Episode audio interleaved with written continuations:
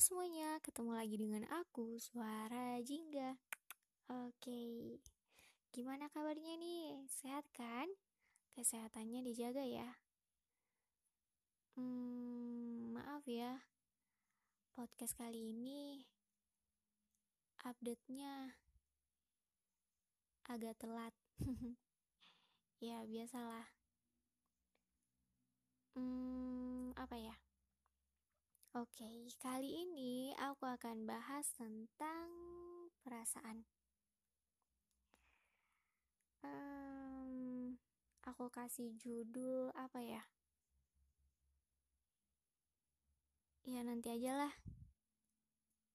Hmm, perasaan memang susah ditebak ya.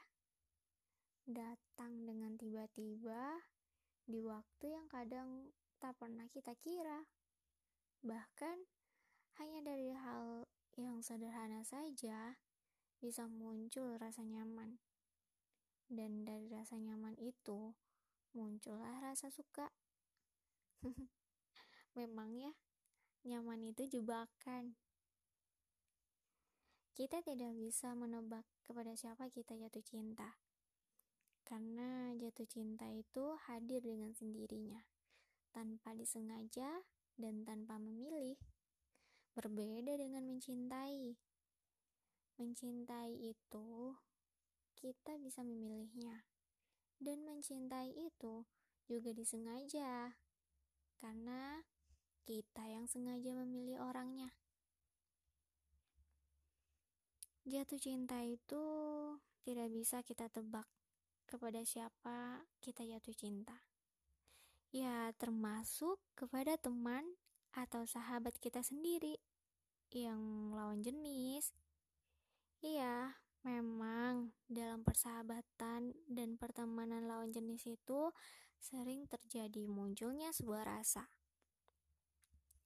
Sulit ya jika kita cuma menganggapnya 100% teman atau sahabat saja.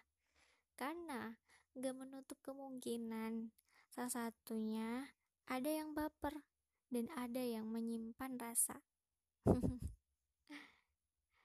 Seperti kata ini, berteman atau bersahabat denganmu memang pilihan, tapi jatuh cinta denganmu benar-benar di luar kendaliku. Aduh, gimana nih? Siapa yang merasakan jatuh cinta pada teman atau sahabatnya sendiri nih. Gimana hubungannya? Um, kita tidak bisa menebak perasaan kita sendiri. Dan apalagi dalam sebuah persahabatan terjebak dalam perasaan sama sahabat itu susah loh. Apalagi kita udah sahabatannya udah lama. Dan kalau udah di situasi seperti ini maka semuanya bakalan canggung. Oh iya mungkin kalau ditanya kita bisa nggak sih menjalin persahabatan tanpa ada rasa? Bisa, menurutku bisa. Ya, dengan cara um, memberi jarak jika salah satu dari dari persahabatan itu menyimpan rasa. Kita kasih ruang, tapi bukan apa ya? Bukan memupuk perasaan itu sendiri, tapi kita memberi jarak agar perasaan itu tidak tidak apa ya tidak menjadi-jadi. Ya tidak merusak persahabatan sendiri. Kalau kamu tidak mau persahabatan kamu rusak. Memang benar ya. Kalau ada rasa dalam persahabatan itu sulit diungkapkan takut rusak, nggak diungkapkan sesak. Tapi kalau menurutku, Setidaknya, lebih baik mencoba untuk mengungkapkannya daripada kamu menyesal.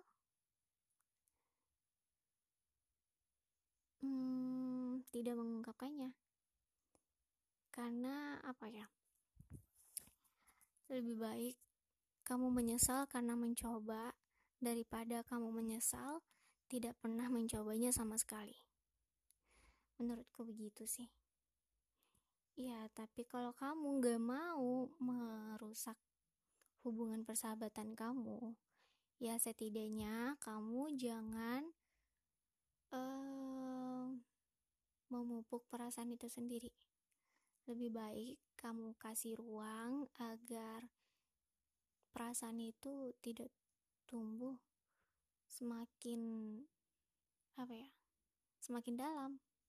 Karena jika kalau semakin dalam itu bakalan susah. Memang susah. Jadi um, rasa dalam persahabatan itu memang jebakan dan sulit